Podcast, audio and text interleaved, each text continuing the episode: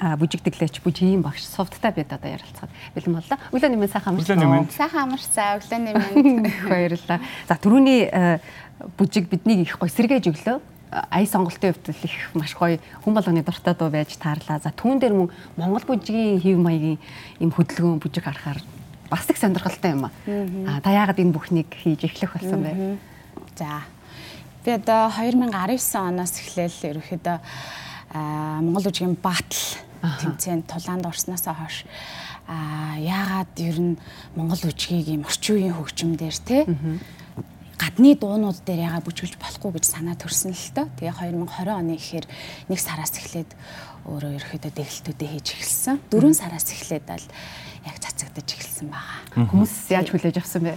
Ерөөхдөө Монгол бүжгийг бас ямар ч хөгжмөөр бүжгэлж болох юм байна те одоо орчин үеийн чөлөөт химнэлтэд хослуулж бас болох юм байна ямар нэгэн дуу сонсоод одоо бэлгээ найт гэж явж гин те зүгээр чөлөөтэй диско найт хөгжмөнөр хүртэл монгол үжийг бүжүүлж болно л гэсэн санааг залуучуудад ялангуяа тэр дундаа залуучуудад.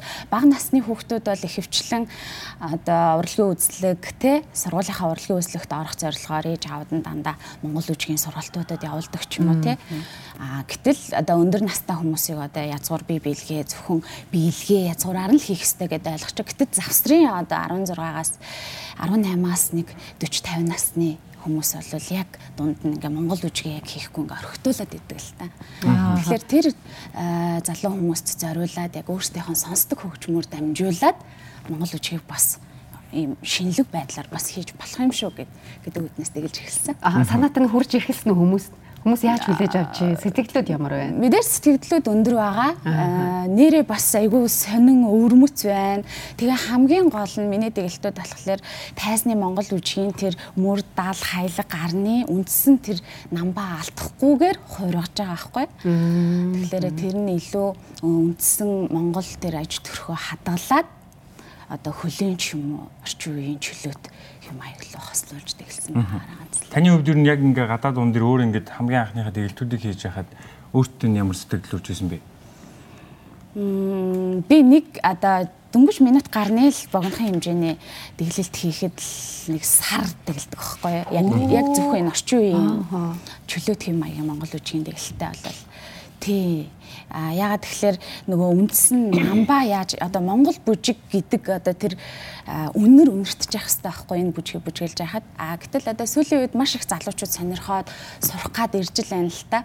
Тэгээ би хэлдэг байхгүй одоо за энэ бүжгийг бүжгэлж яхад та нар чөлөөт үжиг ч юм уу те хийгээд байвал хүн харахтаа монгол үжиг гэж харахгүй л байгаа. Дэвэл мөр далч нь хөдлөхгүй л байгаа. Дэвэл энэ бол монгол үжигтэй хосолсон орчин үеийн монгол үжигийн чөлөөт хэм маяг бол бишээ. Миний гаргаж ирэх гээд байгаа одоо гол зүйл бол тэр мөр дал хавирга далны тэр намраа одоо тий монгол үжигийн тэр гол чухал амин зүйлүүдийг алдагдуулахгүйгээр одоо та нар бүжгэлжээвэл чадчихна гэж өөрсдөө үзье гэдэг маш их залуучууд сонирхож байгаа. Аа. Одоо нэг хичнээн нийтдээ хичнээн яг юм бүтээлүүд гарч чаад байна. Хичнээн дуун дээр бүжгэлжүүлсэн 5-аас 6 дуун дээр дэглэлтүүд гарсан байгаа. Тэг эхний 3-аас 4 нь бол цэцэгдсэн байгаа. Дуугаа болохоор нэлээд хүрсэн байх нэ. Дуу сонголтын дээр. Одоо шинэ дуунууд нь болохоор дэлхийн хэмжээнд бүр ингээ хүрсэн ч дуунууд байна. Магадгүй зүгээр ингээд өөрсдийнхээ өөрийнхөө зөвхөн таалагддаг дуунуудыг сонгож байна. Тий.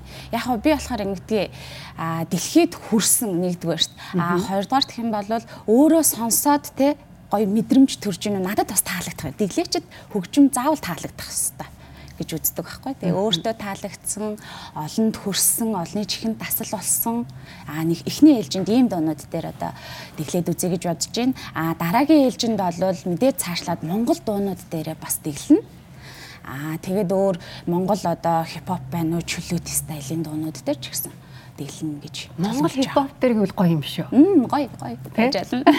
Болохгүй зүйл бол байхгүй. Гэхдээ маш их бодож боловсруулах хэрэгтэй ах. Таны өөрийн төгссөн ангитан ялтчгүй мэрэгжилтэй нь ялтчгүй энэ бүхэнтэй их гоё сүлэлдэж орж ирж байгаа хаа. Тий. Би 2014 онд соёл урлагийн их сургуулийг бүжиг дэглэж бүжгийн багш хосолсон мэрэгчлэр төгссөн байгаа. Одоо ингээд 6 7 дахь жилдээ ажиллаж. Одоо үргэлжлүүлээд та сурж байгаа л. Одоо үргэлжлүүлээд магистртаа сурж байгаа. Тууштай гахалтай байна. Энэ олон талын юм харагдаж байна л да. Урлаг бол хөгжихийнхээ араар янз янзын салбар руу бүр яаж л салбарлаж болно. Тэр дундаа одоо Монгол бүжгээ мөн одоо ийм чиглэлээр ингээ авч явна гэдэг бол их том дэвшил, том санаа гэж хувьдаа хараад байгаа юм. А тэгэхээр бас нэг зүйл нь уг нь энгийн хүмүүс бүжгэлж чадвал бүр илүү хүмүүст хүрэх гээд байна л та. Тэгэхээр одоо огт бүжгийн эвсэлгүй бид бол таны хэлсэн тэр мөрний цацлаг, тавирганы хөдөлгөөнийг ер нь сурах болов. Сурна анхан шатны мэдээж төвшин төвшөнд нь тохируулаад сургалтын систем байгаа л та.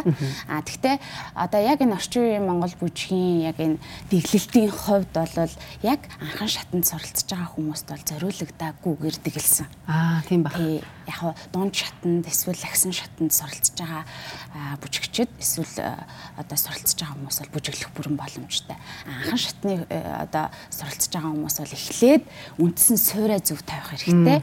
Үндсэн ухсаатны угсаатныхаа тий Монгол угсаатныхаа бие биелийг маш сайн хийж сурах хэрэгтэй. Түүний дараа орчин үеийн хувирах нь хамгийн зөв. Тэгэхээр дунд чатны одоо сурагчид байдаг юм уу те? Өшөө Монгол үжгээр хичээлж байгаа дунд чатанд явж байгаа хүмүүсээс сурахад бол айгу ойрхон байх. Тэгээ бид нар өөрсдөө ч сурахад илүү хэлбэр байдаг юм болов жишээ нь эн чинь багасаа ингээд нөгөө хараад өссөн тий тэр хөгжмийг мэдрээ сонсоод үзсэн учраас сурахад илүү хурдан болов. Монголчуудын одоо мөрөнд биелгээний даланд биелгээний тэр одоо намб байж идэг. Тэгэхээр одоо орс хүмүүстэд ингээд бүжиг заахад бол мөр ер нь хөдлөхгүй дээ. Тэгэл Монгол хүүхдүүд шаал цаанаа өөр ингээл ерөөсөө мөрн хөдөлж байгаа, дал нь хөдөлж байгаа.